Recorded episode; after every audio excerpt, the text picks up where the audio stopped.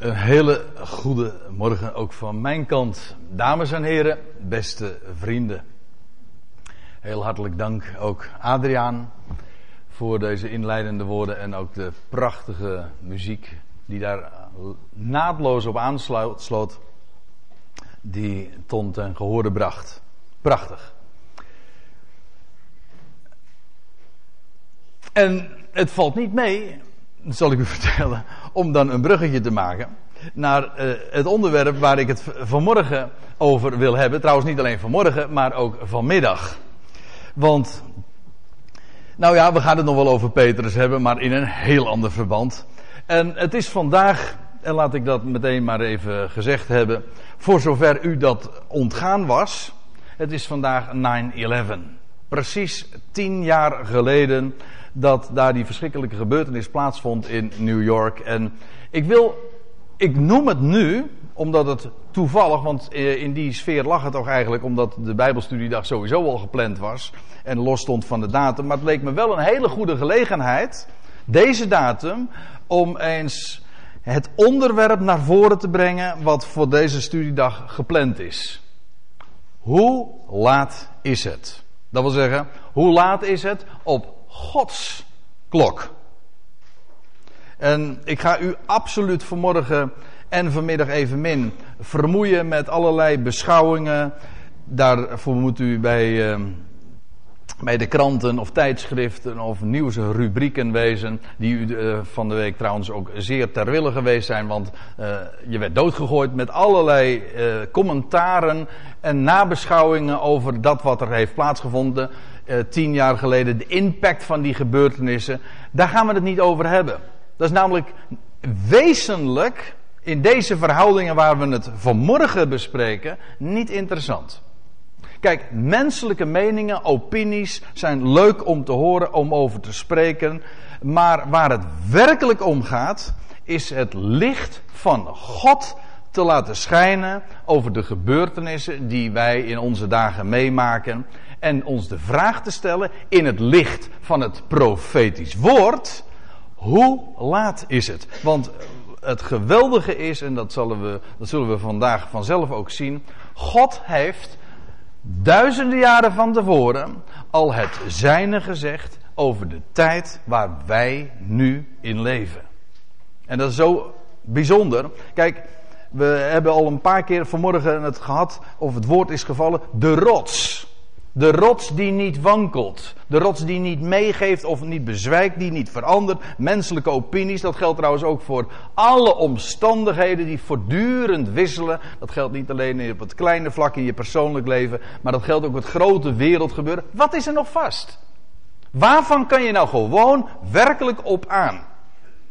En wat is het geweldig als je dan een oriëntatiepunt hebt. Daar moeten we wezen. Bij de schriften. Het woord wat God heeft laten optekenen. Vandaar dus die vraag. En, nou ja, de, die vraag kun je trouwens op verschillende manieren benaderen. Uh, hoe laat is het eigenlijk? Maar je kunt ook uh, ik heb dat in het verleden wat vaker uh, meegemaakt en wat ook dichterbij gestaan. En ik weet dat er hier ook mensen zijn die dat allemaal nog erg recentelijk in, in het geheugen hebben opgeslagen. Namelijk de ervaringen van de, de zwangerschap. Nou, ik, ik kan daar niet al te veel over zeggen. En, want ik zou me zomaar vergalopperen met allerlei rare dingen. ja, wat weet ik daar nou van, nietwaar? Maar ook de zwangerschap kent zo'n klok. En de gelijkenissen, en dat zal ik vanmorgen en vanmiddag vanzelf ook nog wel laten zien. De gelijkenissen uh, zijn, die stapelen zich op. Die zijn, dat, dat is er meer dan één, uh, meer dan twee of drie, waarin het hele gebeuren van Gods klok, de timing die God heeft vastgesteld in de schriften, die laat zich heel gemakkelijk vergelijken. De Bijbel doet dat namelijk zelf ook met de zwangerschap en het, en het verstrijken van de zwangerschap. Nou, de klok van de zwangerschap, daar zijn een, een paar, daar zijn een paar manieren om vast te stellen om uh, de vraag te beantwoorden: hoe ver is de zwangerschap eigenlijk gevorderd? Nou, in de eerste plaats is daar een hele simpele. Maar niet de meest betrouwbare, moet ik erbij zeggen. Dat is de omvang van de buik. Niet waar? Ik ja, ik zie sommige mensen nou denken, waar heeft André het nou over? Volgens mij. nee, maar eh, ik, ik zal vanzelf nog wel duidelijk maken hoe de, de gelijkenissen zo direct daaraan te koppelen zijn. Aan het onderwerp van vandaag. Uh, de buikomvang zegt iets. Uh, niet altijd, dat weet ik. Ja, daar, het is heel gemakkelijk scoren natuurlijk om daar een grapje over te maken. Maar dat zal ik nu, nu, nu niet doen. De buikomvang zegt iets inderdaad hoe ver de zwangerschap heen is. Nou ja, ik heb het wel eens meegemaakt. De, mijn vrouw die was op de, de, een van onze drie kinderen. Ik weet niet meer welk het geweest is, Peter, jij nog wel. Maar dat bij de derde, bij Jagin. Op de dag van de, dat, dat ze bevallen zou, na negen maanden, toen stond ze bij de kassa in een winkel en toen vroeg die vrouw van, en hoe is de bevalling gegaan? bij mijn vrouw kon je namelijk helemaal niet zien. Of, nou ja, zo in een eerste oogopslag zag je het echt niet. Dus dat is wel grappig. Maar in het algemeen zegt de buikomvang iets over de, de, de, de klok van de zwangerschap. Een veel preciezere methode is de echo. dan, ga je, dan, ga je, dan wordt, wordt uh, de zwangere vrouw gescand en dan, kun je, dan kan met precisie vastgesteld worden hoe ver de vrucht heen is. Dan weet je, zoveel tijd is er nu verlopen en zoveel tijd is er nog te gaan. En daarnaast heb je nog een manier om vast te stellen hoe laat het is in verband met de zwangerschap. En dat is de berekende datum. Was het ook alweer? 40 weken geloof ik na het begin van de laatste menstruatie. Zo was de formule geloof ik. En dat is dan de berekende datum, waarbij ik moet zeggen dat de berekende datum ook altijd maar een indicatie is. Niet meer, want er zit nog een flinke marge in. Als u na, ik, heb, ik heb erover na zitten denken dat als het gaat om een, een zwangerschap, die duurt 40 eh, weken. En de berekende datum, daar schijnt dan een marge in te zitten van twee weken vroeger nog en twee weken later. Bij een normale uh, zwangerschapsperiode. Dat betekent dus op een periode van 40 weken is er een marge van 4 weken, dus van 10%. Dus dat is vrij ruim nog. Al te precies is het niet. En toch, die berekende datum, daar, daar, dat is geprikt. Daar kijk je naar. Je weet op een gegeven moment, het kan niet lang meer duren. Wel, in die sfeer zullen we ook vandaag deze, dit onderwerp bespreken. Ik, heb u daarmee eigenlijk al wat een, eh, een teaser gegeven, zoals dat heet. Eh, een, een, een, proef. Uh, daarmee proeft u ook wat we vandaag zullen zien aan de hand van de schrift. Het eerste wat we vaststellen als je, als je het hebt over de vraag hoe laat is het, dat is dat we de afgelopen eeuw een hele unieke ontwikkeling hebben gezien die je kon verwachten op grond van het profetisch woord. En dat is dat dat hele volkerenpatroon, zoals de profeten daarover spreken, weer op de kaart gezet is. Alle stukken zijn weer op het schaakbord gezet, of bijna alle stukken. En dat is heel opmerkelijk zoals zich dat in een aantal decennia, vanaf het begin van de vorige eeuw, zich heeft afgetekend. Duizenden jaren lang is het Midden-Oosten uh, zijn dat kolonies geweest, overheerst door allerlei rijken. En op een gegeven ogenblik kwamen al die landen waar de profeten van spreken, werden weer met recht op de kaart gezet. Daar was in 1922, na zo lang onder vreemde heerschappij geweest te zijn, weer een zelfstandig Egypte. Tien jaar later was daar Irak, het land van Babel. 1943 ontstond Libanon als een zelfstandige natie. Wat ik zei, vele eeuwen, duizenden jaren lang zijn al die landen, en ik, ga er nog een hele rits noemen, zijn die landen er niet geweest. Waren ze niet zelfstandig, bestonden ze niet en het leek wel alsof de tijd er rijp voor was om alles wat er ooit was, weer opnieuw daar neer te zetten. Alsof daar nog een eindstrijd nog zou moeten plaatsvinden. Kijk, degenen die het profetisch woord kennen, weten dat dat zo is. Uh, in, in 1946 zowel Jordanië met als hoofdstad Amman, het Bijbelse Ammon. Uh, en wat dacht u van Syrië, wat zo'n grote rol speelt, Syrië en of Assyrië, maar strikt genomen hetzelfde. Nou, en dan hebben we natuurlijk in 1948, zojuist werd nog even genoemd, door Adriaan het, het, de vijgenboom. daar, daar is weer een vijgenboom. Of die ontluikt is, dat is een ander verhaal. Maar er staat weer een vijgenboom. Die, daar is weer die Joodse staat.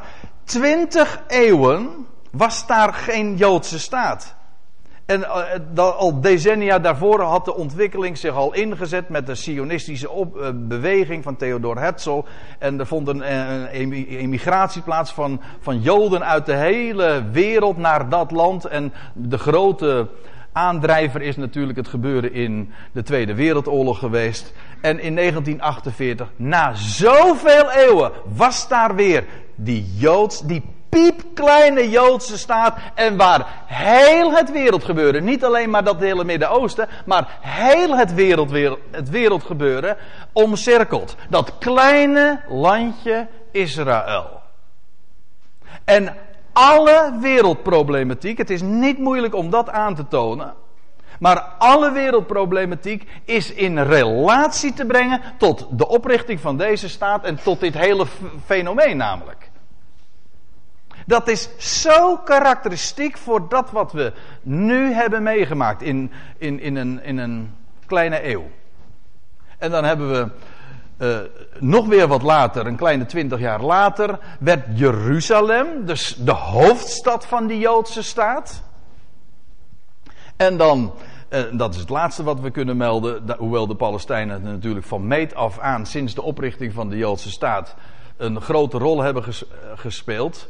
En, een, en eigenlijk daarmee het oude conflict van duizenden jaren geleden, namelijk het Joodse volk, de Joodse natie, tegenover haar aartsrivaal, de Filistijnen. En tegenwoordig noemen we, wij dat in onze uitspraak, maar in het Hebreeuws maakt dat helemaal geen verschil, de Filistijnen. Zodat dat oude conflict weer volop actueel is en er gaat geen dag voorbij of in het nieuws komt het aan de orde. En deze eeuw, en dat het bijzondere trouwens van dit tijdstip, van deze maand, is ook dat eindelijk deze Palestijnse staat ook door de Verenigde Naties zal worden erkend. Dat leidt, dat leidt op dit moment geen twijfel. Dat gaat nog negen dagen duren. 20 september zal de Verenigde Naties hierover gaan stemmen.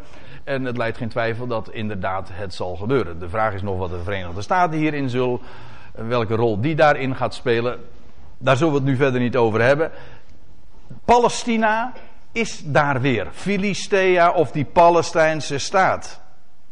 Zodat dat hele patroon van volkeren daar weer is.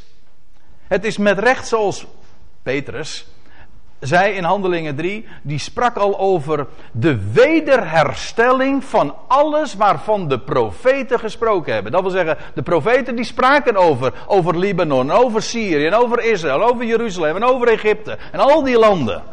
Ja, en alles waarvan de profeten gesproken hebben, dat zou weer hersteld worden, gereconstrueerd. En dat is precies de ontwikkeling die we hebben gezien. Dat heeft nog niks te maken met timing, dan weet je nog niet hoe laat het is. Maar het is wel een aanwijzing. Hey, daar is iets, een ontwikkeling in gang gezet die heen wijst of die moet gaan leiden. Ik bedoel met kennis van het woord van God. Naar dat wat er geprofiteerd is, namelijk het hele eindtijdgebeuren, dat zal zich concentreren daar in dat Midden-Oosten, meer speciaal in het Joodse land en nog meer speciaal rondom Jeruzalem. Dat kan niet missen. Wel, alles wat we zien in het wereldgebeuren tekent zich in die richting ook af. En dan hebben we het nog niet eens over andere tekenen destijds.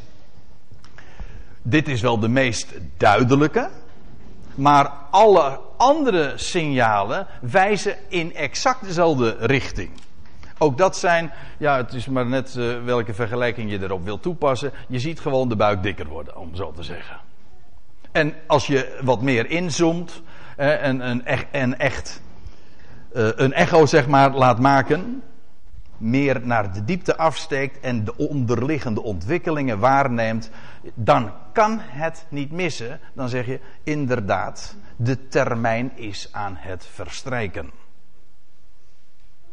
En dan gaan we het straks nog hebben over de uitgerekende datum. Maar nu eerst even nog dit. Die andere tekening. Nou, we hadden het al over het, Midden-Oosten. Maar wat zich trouwens de afgelopen jaren. Nou, ik mag wel zeggen, juist het laatste jaar heeft zich weer een hele nieuwe ontwikkeling afgetekend.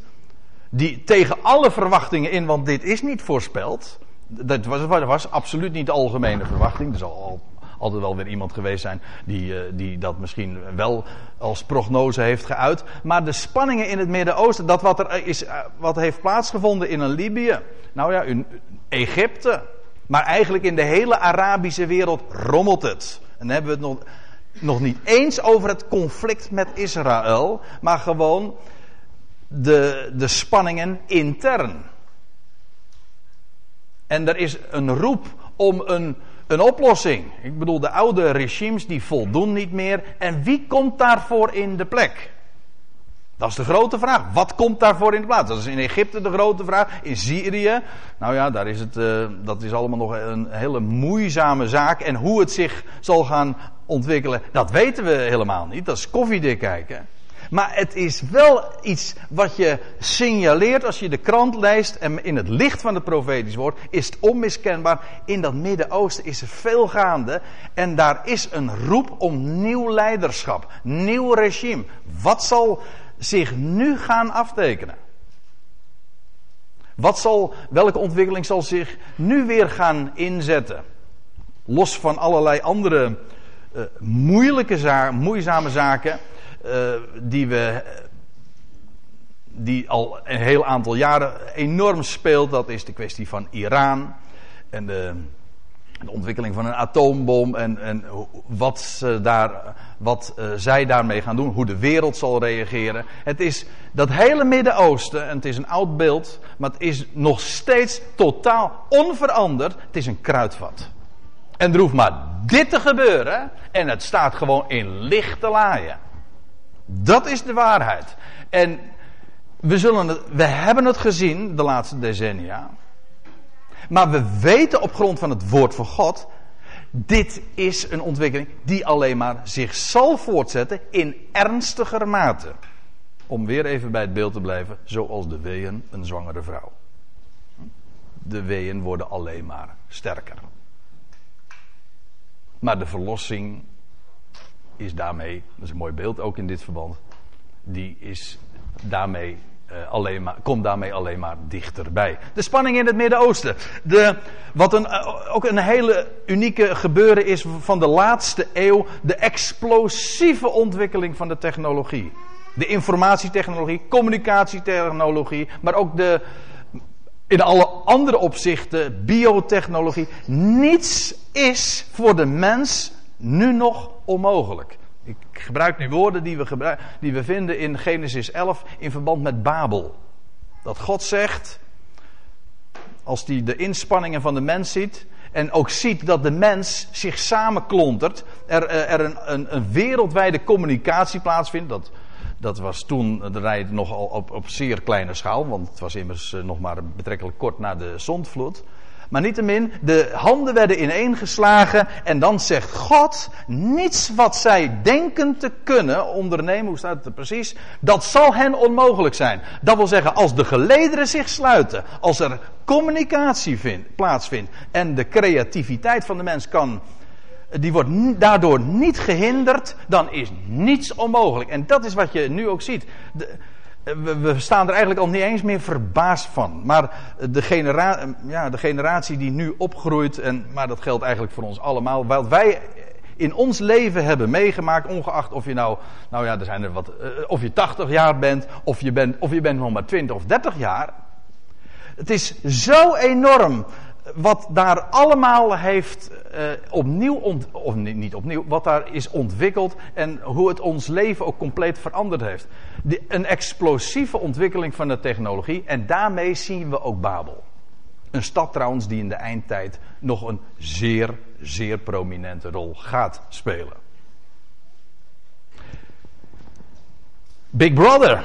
Dat wil zeggen, de, dat heeft wel sterk te maken ook met dit hoor. Want juist door die technologie is, uh, is de mens eigenlijk in alle opzichten traceerbaar. En ook dat is een ontwikkeling die, die een enorme boost heeft gekregen tien jaar geleden. En het is natuurlijk ook een, een mooi excuus om, om de mens, de, de privacy van de mens compleet aan de kant te schuiven. Allemaal omwille van de veiligheid. Wat voor leugenachtige spellen er daar nog mee gespeeld worden, dat is nu niet het onderwerp, maar het laat zich raden. En dat de mens wordt gewoon gevolgd. En, en uh, het is helemaal niet moeilijk meer. Technologisch uh, is het eigenlijk allemaal in kannen en kruiken dat de mens gewoon volledig gecontroleerd wordt de maatschappij, dat je totaal niet vrij meer bent. En een wereld waarin, waarvan we lezen in Openbaring 13. Daar gaat het specifiek over het land Israël en het Midden-Oosten. Maar dat men niet kan kopen of verkopen tenzij men nou, dat teken op het voorhoofd of op de rechterhand heeft. Dat is helemaal niet uh, ver weg meer. Dat is helemaal niet ver weg. Die technieken, die, die liggen nu al voor het, voor het oprapen. Het wachten is nog alleen op de toepassing. En ook, het wachten is ook op een leiderschap die daar op die wijze gebruik, lees misbruik van gaat maken. De godsdienstige verwarring is, is, uh, is zo godsdienstig, en als ik het nog wat breder uh, trek, de spirituele verwarring. De, wat we zien in het, in het, in het Westen, een, een algehele kerkverlating. Mensen zijn ook gedesoriënteerd. De opkomst van het islam, het moslimfundamentalisme, heeft daar ook mee te maken. Men weet niet meer waar men het zoeken moet. Waar liggen de antwoorden? De verwarring is groot. En de vele profeten proberen in dat vacuüm te treden. En door te zeggen van ik heb het oplossing. Ik heb van God een nieuwe boodschap. Ook dat is voorzegd. Valse profetie. Vele valse profeten zouden uitgaan. Karakteristiek voor de eindtijd. Het is niet een formeel, eh, formeel kenmerk waarvan je duidelijk kunt zien van zo laat is het. Maar het is wel, het past helemaal in het plaatje. Dat, het christelijk Westen, let op de aanhalingstekens, maar in ieder geval de naam hè, van christelijk is inderdaad van God los. Compleet. Ook dat is een kenmerk van de laatste dagen. 2 Timotheus 3, waarin Paulus dat ook zegt. Dan heeft hij het over de wereld die een schijn heeft van God te kennen. Een godsverering maar de kracht daarvan verlogend. En, de, en, en die wereld, zoals Paulus hem ook beschrijft, die zogenaamd christelijke wereld, blijkt inderdaad van, van God los te zijn. En exact dezelfde kenmerk te hebben van die heidenwereld die in Romeinen 1 beschreven wordt. Nou ja, ik geef toe dat ik nu een beetje misschien voor insiders spreek. Maar goed, de vaststelling uh, die laat zich, die laat zich gemakkelijk maken. En dan de noodzaak van een wereldwijde aanpak. Die wordt steeds sterker. Juist omdat de wereld zo klein is geworden door de technologie weer. Is daar de noodzaak, die wordt zo sterk gevoeld dat eh, nationale overheden het niet meer aankunnen. We moeten, het, we moeten de handen ineenslaan. De, de problemen, hebben we het niet alleen over de economie. Of ja, de economie. Wat dacht u daarvan? Want ik las gisteren dit. dit in de Telegraaf nog. Ja, dit stond gisteren in de Telegraaf. Ik dacht van, hé, dat is wel, dat, ik was juist bezig met de voorbereiding met dit plaatje namelijk. En de noodzaak van een wereldwijde aanpak. En toen zag ik als kop dit. De G7 weet het ook niet. Nou, dat is inderdaad uh, tekenend voor de desoriëntatie. Maar het geeft ook aan dat de de nationale overheden domweg vleugellam zijn. Heeft trouwens ook te maken met de, met het, de, de democratie, die ook uh, niet in staat blijkt te zijn om adequaat leiding te geven. Het wordt weliswaar altijd als het evangelie gepredikt van het geweldig, die, die democratie. Maar eh, de democratie is maar maakt het uh, een samenleving onmogelijk in tijden van verwarring om werkelijk concrete, duidelijke en ook gedurfde stappen te zetten. Maar goed, de G7 weet het ook niet. En uh, de, de krachten moeten gebundeld worden. Er is een noodzaak van een wereldwijde aanpak. En de grote. En de roep. En, en dat is wat je nu ook ziet. En wat we de komende jaren gaan beleven aan, aan ook nog een, een economische ineenstorting. Ik weet het niet. De, de, de, de, de dreigingen zijn groot. En wat er allemaal nog gaat gebeuren.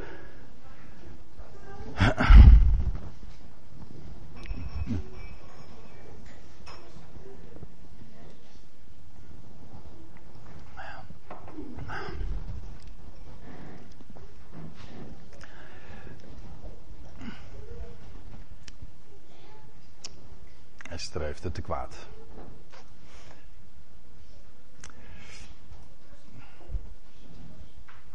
Ja. Wat er ook in de wereld nog uh, gaat gebeuren, ook in, uh, in verband met de economie. Maar één ding ook daarin is duidelijk: dat als de nood groot wordt, dan en, we, de herinnering ligt nog vers in het geheugen.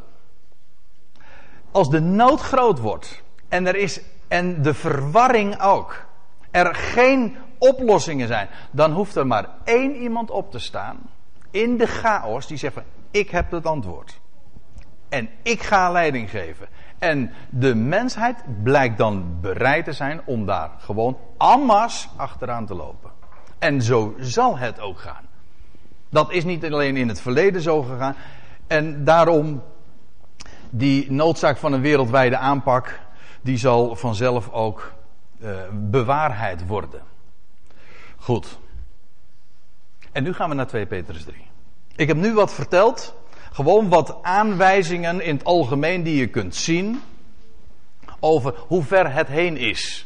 Dat wat de Bijbel zegt over de tijd van het einde, de tijd die vlak vooraf gaat aan de terugkeer van Jezus Christus.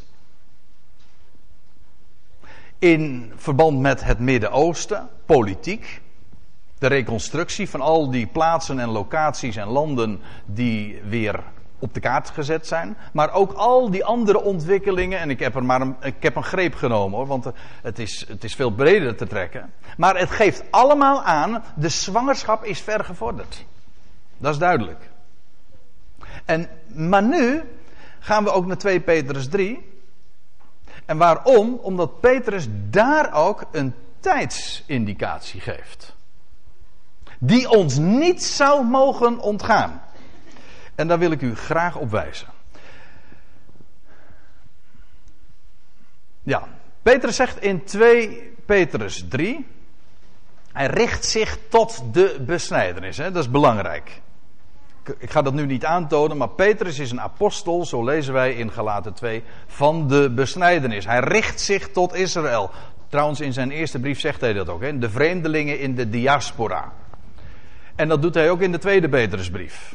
En hij, heeft het ook hij schrijft ook over de, de val van Jeruzalem in het jaar 70. Maar in het derde hoofdstuk gaat hij ook spreken over de tijd van het einde en het Messiaanse Rijk, de dag des Heren die zal komen. Hij zegt, dit vooral moet gij weten, dat er in de laatste dagen spotters met spotternij zullen komen, die naar hun eigen begeerte wandelen. Dat wil zeggen, ze leven bij het licht van hun eigen verstand en hun eigen verlangens. En dat is dus per definitie dwaallicht. En wat wat zullen ze spotten? Wat zullen ze zeggen? Zij zullen dit zeggen. Waar blijft de belofte van zijn komst? Wat Petrus dus aankondigt aan het einde van zijn leven. Petrus. Ja, ja, daar is hij weer. Petrus die zegt dat.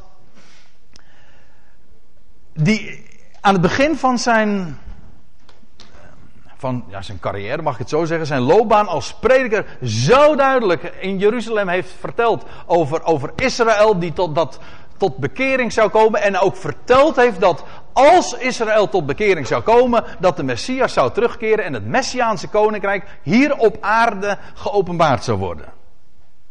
Nou, wat we zien in het boek Handelingen, Israël komt niet tot bekering. Een andere apostel komt op het toneel, Paulus. En die, die gaat vertellen dat er een hele interval. God is een. God, Gods weg maakt een, een, een U-bocht, om zo te zeggen. Een, een omweg, die overigens al van tevoren vaststond, maar verborgen was. Maar Israël bekeert zich niet. En daarmee ook de wederkomst die in die dagen verwacht werd, zou uitblijven. En dat is schokkend. Kunnen wij nauwelijks misschien meer voorstellen. En in het algemeen denk ik dat de, de gemiddelde Bijbellezer heeft er geen benul van. Van, van, van de verwachting in de dagen van het Nieuwe Testament. De Messias zou terugkeren in die generatie. En Petrus aan het eind van zijn leven weet, dat gebeurt niet. En hij, zegt, hij voorzegt aan het eind van zijn leven nu er komt straks een tijd dat de mensen zullen spotten. Waar blijft nou de belofte van zijn komst? Die zou maar uitblijven. Want zullen ze zeggen, sedert de vaderen ontslapen zijn, het is allemaal wat plechtig Nederlands, maar je begrijpt het heel goed. Want vanaf dat de vaderen, de eerdere generaties ontslapen zijn, blijft alles zo als het van het begin van de schepping af geweest is. En die Messias, die zou komen en die orde op zaken zou stellen, wat, wat, waar is die? Waar blijft dat? Waar blijft die verwachte en die beloofde komst? En ze zullen erom spotten. Nou, en nu zijn we 2000 jaar verder. En hoeveel denken het niet? Ze zeggen exact niet hetzelfde. Waar blijft nou die belofte van zijn komst? Hij zou toch, hij zou toch terugkeren? Spoedig. Ja.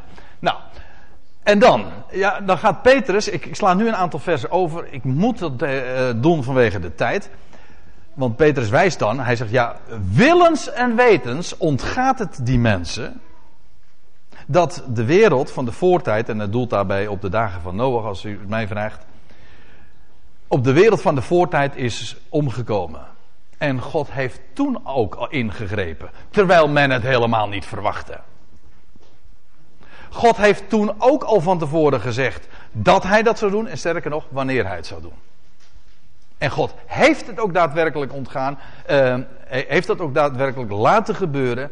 En Petrus zegt, dat zou de mensen, dat zou hen niet mogen ontgaan. En het, nee, hij zegt het nog sterker, willens en weten ze is het hun onbekend. Ik bedoel, alle, alle archieven, uh, ook de, de volksherinneringen zijn daar nog van vergeven. Wereldwijd, er is een vloed geweest. Waarbij de mensheid is omgekomen. En welke overleveringen je ook neemt. In Zuid-Amerika, in Afrika, in Azië, Europa. Alle volkeren weten dit. Dit ligt in het collectieve geheugen vast. Niet alleen maar omdat het in de Bijbel staat. Men weet dat. Afgezien van het feit dat dat ook zo zijn sporen heeft nagelaten in de aarde. Willens en wetens is het hun onbekend. Maar goed, ik sla die versen over en dan kom, komen we bij vers 8. Want dat is namelijk de vraag waar ik vooral vanmorgen op wil focussen. Namelijk het onderwerp van deze hele studiedag. Hoe laat is het? Dat het laat is en dat de gebeurtenissen die God had voorzegd in zijn woord zich aftekenen, dat is duidelijk. Maar dat is nou niet direct het onderwerp. We, we betrekken het er wel bij, maar dat is meer de dikke buik, zal ik maar zeggen. of de echo. daaraan kun je het zien. Maar dan weet je nog niet hoe laat het is, hoe precies, hoe ver het is. Die, wel, Petrus zegt: Dit ene mag u niet ontgaan, geliefde. Hij heeft het dus over die spotters die zullen zeggen: waar blijft de belofte van zijn komst? Die komst die zou dus kennelijk uitblijven. Dat is wat Petrus aan het eind van zijn leven voorzegt. En hij heeft er zelf heel veel moeite mee gehad om dat feit te moeten accepteren en te verwerken. Hij heeft het aan het eind van zijn leven ook gezien. En als hij zegt: als je er meer van wil weten, dan moet je bij onze geliefde broeder Paulus wezen. Die in al zijn brieven over deze dingen spreekt. Ja, lees het maar verder hoor. 2 Petrus 3, vers 10, 11, nou wat is het? Nee, nog iets verder, 14, 15. Daar spreekt hij daarover. Als je meer over wil weten, over die langmoedigheid van God, het uitblijven van het ingrijpen van God, dan moet je bij Paulus wezen. Want dat is het thema juist van zijn, zijn brieven. Maar het is Petrus die een chronologische, dat wil zeggen een tijdrekenkundige aanwijzing, indicatie geeft. En hij leidt dat in met een hele belangrijke statement. En, en een indringende statement, moet ik zeggen. Hij zegt: Dit ene mag u niet ontgaan, geliefde. Als we het hebben over het uitblijven van die terugkeer van Jezus Christus, dan is er één ding die je niet mag ontgaan. Wat is dat ene ding dan?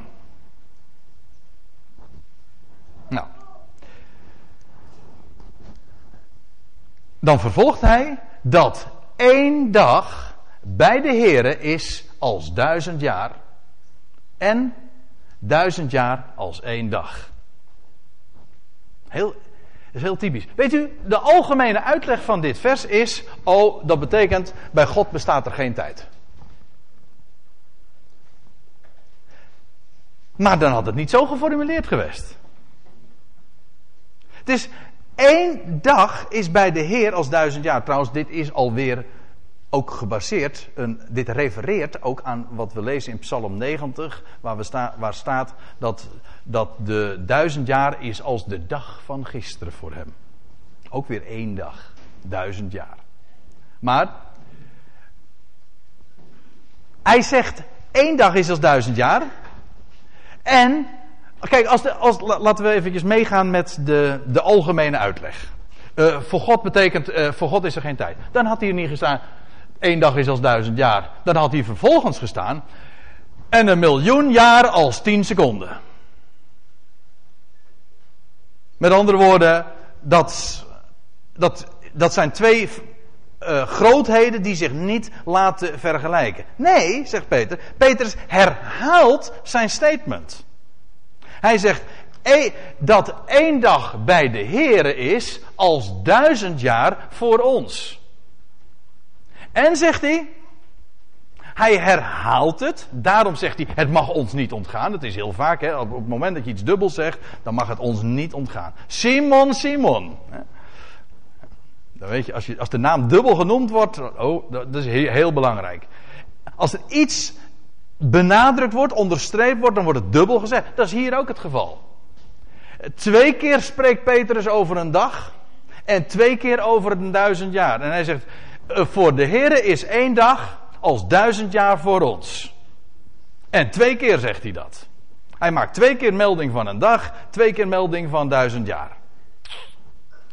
Maar dan ga ik u nog eens wat vertellen. Die dag van de Heer, hè, dat is de dag dat Hij zal verschijnen.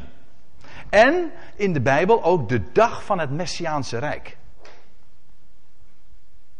Daar zit meer aan vast dan ik nu zeg. Maar dat is de dag van de Heer. Als je aan een Jood vraagt, wat is de, de dag des Heer? Als je aan een christen vraagt, de dag des Heer, dat is de zondag. Nee, maar als je een Jood vraagt, de dag van de Heer, en dat is trouwens het, het correcte antwoord hoor. De, de dag van de Heer, dat is de Sabbat. Dat is de zevende dag.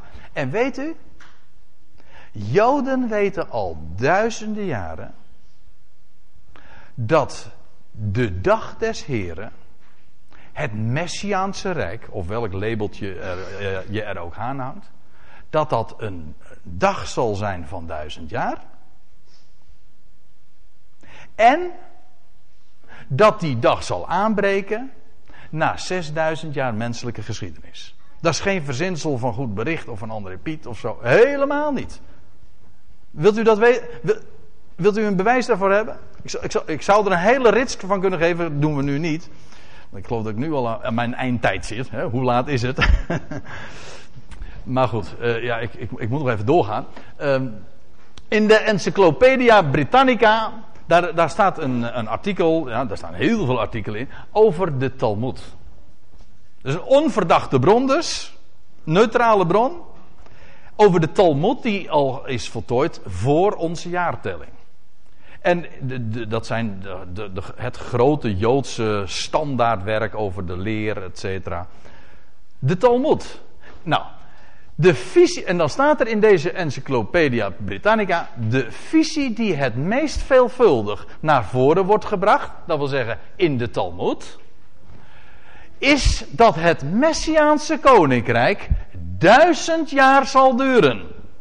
Als dat dus in openbaring 20 staat, was dat niks nieuws.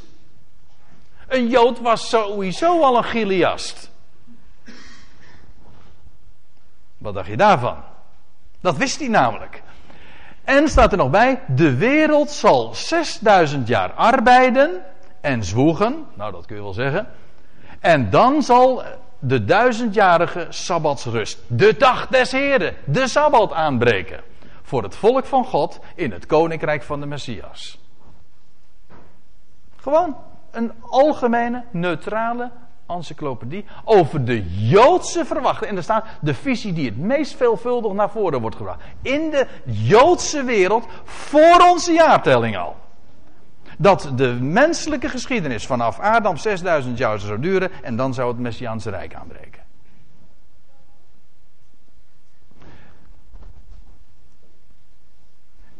Uh, ik, kan, ik, had er, ik zou nog veel meer Joodse bronnen kunnen noemen. Kerkvaders, Irenaeus, een, een Barnabas. Allemaal bekende namen voor degenen die een beetje vertrouwd zijn met de kerkhistorie. Maar wat dacht u van Maarten Luther? Die heeft een boekje geschreven in 1540. Dat was trouwens volgens zijn eigen berekening op dat moment, 1540 dus, het jaar 5500 sinds Adam. Maar die heeft een boekje geschreven, niet erg bekend, dat heet Berekeningen van de jaren van de wereld. En die schreef toen, dus in het jaar 1540, de wereld zal 6000 jaar bestaan. Dat was helemaal geen nieuwigheid van Luther, want die, die baseerde zich ook al op, op al oude bronnen. De wereld zal 6000 jaar bestaan. 2000 jaar in ledigheid, daarmee bedoelt hij de eerste 2000 jaar van Adam tot Abraham. Toen kwam de belofte van, van God aan Abraham. Dan 2000 jaar, uh, voor, 2000 jaar voor de wet, in de zin dus 2000 jaar uh, van Abraham tot, tot, tot Christus. Dat is wat preciezer gezegd. En dan 2000 jaar voor de Messias. Dat wil zeggen voor de terugkeer van de Messias. Dat is mij vraag niet al te precies geformuleerd. Maar het idee is, die, die 6000 jaar, die is onderverdeeld in drie gelijke perioden. Dat wil zeggen 2000 jaar van Adam tot Abraham. 2000 jaar van Abraham tot Christus. En we gaan nou even helemaal niet op het jaar nauwkeurig rekenen. Maar in het algemeen is dit onomstreden. En dan vervolgens van Christus tot nu is inmiddels ook... Nou ja, als je rekent vanaf de de hemelvaart van Christus zijn de, zijn de jaren ook bijna verstreken. Als we ervan uitgaan dat de Heer Jezus uh, naar de hemel teruggekeerd is in het, ja, rond het jaar 30, dan, is dat, uh, dan duurt dat uh, dus nog, om precies te zijn, 19 jaar. Dat die 2000 jaar verstreken zijn. En Luther zegt, de wereld zal 6000 jaar bestaan. Hij zelf leefde in 5500, sinds Adam. Was zijn berekening, ik denk niet helemaal goed. Maar goed, we zullen hem daar verder niet over lastigvallen. Maar dat betekent dus volgens Luthers berekening dat 500 jaar later, oftewel in het jaar 2040, de wereld haar 6000 jaar, de termijn van 6000 jaar verstreken is. Als Luther in deze dagen had geleefd, had hij deze dingen verteld. Dat weten protestanten die Luther als voorman hebben meestal helemaal niet. En willen ze ook helemaal niet horen. Maar het is gewoon de aantoonbare waarheid. En weet u wat nou zo frappant is? Wij leven nu in die tijd. En waar hoor je het? De mensen zijn gewoon ingeslapen. We leven in, volgens de Joodse verwachting, duizend jaar geleden, leven wij nu in de tijd, in de generatie, dat het moet gaan gebeuren. De termijn is aan het verstrijken. En zonder nou een jaartal te noemen, maar dat is gewoon een, iets wat zich als feit aandringt. Nou gaan we nog naar Hosea 6. Ja, dat moet ik, ik moet echt goed, uh, ik moet echt wat opschieten. Ik had nogal zo'n goed voornemen gedaan over een spreekbeurt van drie kwartier, maar nou, soms moet een mens wel eens overrekenen, ja. Um, Uh, nou ja, uh, oh, 1 uur begint de volgende samenkomst. Hè? Ja, 12 uur, ja, ja. ja. ja. Eh, we gaan naar Hosea 5, want we hebben het nu gehad over een periode van zes dagen. zes dagen van, van duizend jaar, zes millennia, en dan breekt de dag des Heer aan. Maar nu gaan we naar Hosea 5, en daar lees je dat de Heer zegt, ik, de Heer, zal heen gaan, ik wil wederkeren naar mijn plaats, totdat zij zich, zij, dan gaat het over Israël, zich schuldig gevoelen. Het gaat hier, hier is de Heer zelf aan het woord en de Heer zegt, ik ga weer terug naar de hemel. Namelijk, het gaat, het gaat hier over de Messias. Ik wil terugkeren naar mijn plaats. En daar staat er, totdat zij, Israël, zich schuldig gevoelen en mijn aangezicht zullen zoeken. En wanneer zullen ze dat doen? Wanneer zal Israël het aangezicht van de Heer gaan zoeken? Ja, de Heer zou inmiddels teruggegaan zijn naar, naar zijn plaats. Israël zou, uh, zou uiteindelijk de Heer gaan zoeken en dan zou hij weer terugkeren tot hen. Ik zal het laten zien. En dan staat erbij onder welke omstandigheden dat zal plaatsvinden. Namelijk, wanneer zullen ze zijn eh, Gods aangezicht gaan zoeken? Wanneer het hun bang te moede is. Donkere wolken boven Jeruzalem. De profetieën staan er bol van. Over dat moment, over die, over die gebeurtenissen die ze dan zullen plaatsvinden. Wanneer het hun bang te moede is, dan zullen zij verlangen naar mij uitzien. Sterker nog lezen we in Zachariah 14, ze zullen mijn naam aanroepen in de uiterste nood, als alle volkeren vergaderd zullen zijn daar in Jeruzalem, ten strijde gekeerd, dan zullen ze nog maar één uitweg hebben en dat is naar boven uit te roepen en de naam van Yahweh aan te roepen, wat ze stelselmatig, fundamenteel en principieel tot dusver altijd hebben geweigerd. Maar dan kunnen ze niet anders meer en dan zal hij komen. Maar nou komt het. Dan gaan we, lezen we verder, dat is inmiddels een Hosea 6, maar het sluit er direct op aan. En dan zal Israël zeggen: Komt, laat ons wederkeren tot de Heer. Want hij heeft verscheurd, maar hij zal ons helen. Hij heeft geslagen, maar hij zal ons verbinden. In, dat wil zeggen, ze hebben de slaande hand van God hebben ze gevoeld. Maar ze, wezen, ze weten dat het de hand van God was. En dat daarmee ook gegarandeerd is dat het weer goed komt. Hij zal het ook weer helen. En hij zal ons verbinden, staat hier. En dan staat erbij, wanneer dat zal zijn. Niet alleen maar onder welke omstandigheden. Maar er staat ook bij, wanneer het zal zijn. In cryptische taal, akkoord. Maar als je de als schrift met schrift vergelijkt, dan is het volstrekt helder. Er staat namelijk bij, hij zal ons na twee dagen doen herleven. Na twee dagen. Door de profeet Hosea wordt dat al zo duidelijk gezegd. En wij zullen dan leven voor zijn aangezicht. Dat wil zeggen, Israël zal ook nieuw leven ontvangen. Opstaan op de derde dag. Waar kennen we dat van? Ja, maar nu praten we over dagen in andere termen. Namelijk wat voor de Here één dag is. Dat zal plaatsvinden na twee dagen. Ten derde dagen zal Israël opstaan uit de dood. Dat wil zeggen als natie herleven en hem ook kennen. Dan zal de vijgenboom, dan zal er geen dorre vijgenboom zijn, zoals nu nog. Nee, dan zal de vijgenboom uitbotten, leven vertonen. Zijn takken week worden. En dat zal de zomer aankondigen. En dan staat er vervolgens, ja, wij willen de Here kennen. Erna jagen hem te kennen. Want zo zeker als de dageraad, weet je wat de dageraad is? De, de dageraad is de zonsopgang. Zo zeker als de dageraad is zijn opgang. Dat wil zeggen, als hij straks zal komen, dan is dat, dan is dat zonsopgang. Dat is het begin van die derde dag. Als twee dagen verstreken zijn voor de Heer, dan zal hij komen. Dan staat er, dan komt hij tot ons. Mensen zeggen van, je mag nooit zeggen welke dag de Heer komt. Ik kan het wel zeggen, namelijk op de derde dag. Na twee dagen komt, dan komt hij tot Israël. En er staat ook bij, na twee dagen en aan, bij het begin van de derde dag. Ik vind het een mooi plaatje trouwens. Hier, Jeruzalem, al die Joden, die kijken richting de Olijfberg. Maar er zit nog een muur tussen. Hm? Ja, ook symbolisch trouwens. Maar die zon komt op.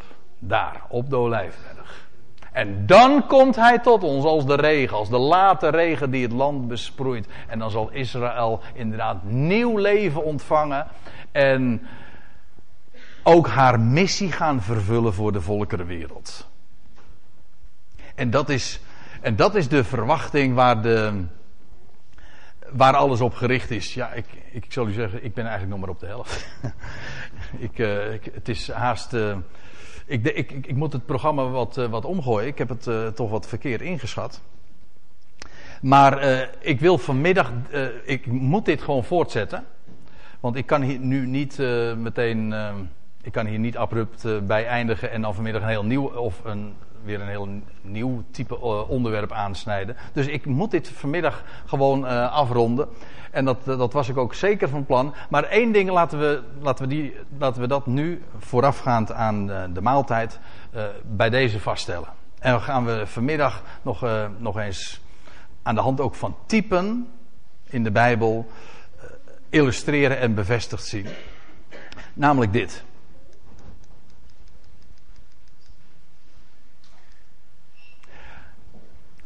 Alle tekenen die wijzen naar één feit, namelijk de dag nadert. Zo ben ik begonnen. Vervolgens hebben we vastgesteld, het is in drie punten, u weet het hè, een goede toespraak die, eh, een spreker kan hele verkeerde inschattingen maken als het gaat om de timing, maar uh, als het erom gaat, uh, je kunt vaststellen aan de ene kant alle tekenen die vertellen de dag nader, die zes millennia, dat wil zeggen, zes dagen zijn inmiddels bijna verstreken sinds Adam. Dat betekent de zevende dag, de dag des Heren, gaat komen. En de tijd is op handen. En daar is dan nog een bevestiging, namelijk, maar dan rekenen we niet vanaf, de, vanaf Adam, maar dan rekenen we vanaf het moment dat de Heer het toneel hier verliet en dat Israël als natie stierf. Namelijk 2000 jaar geleden.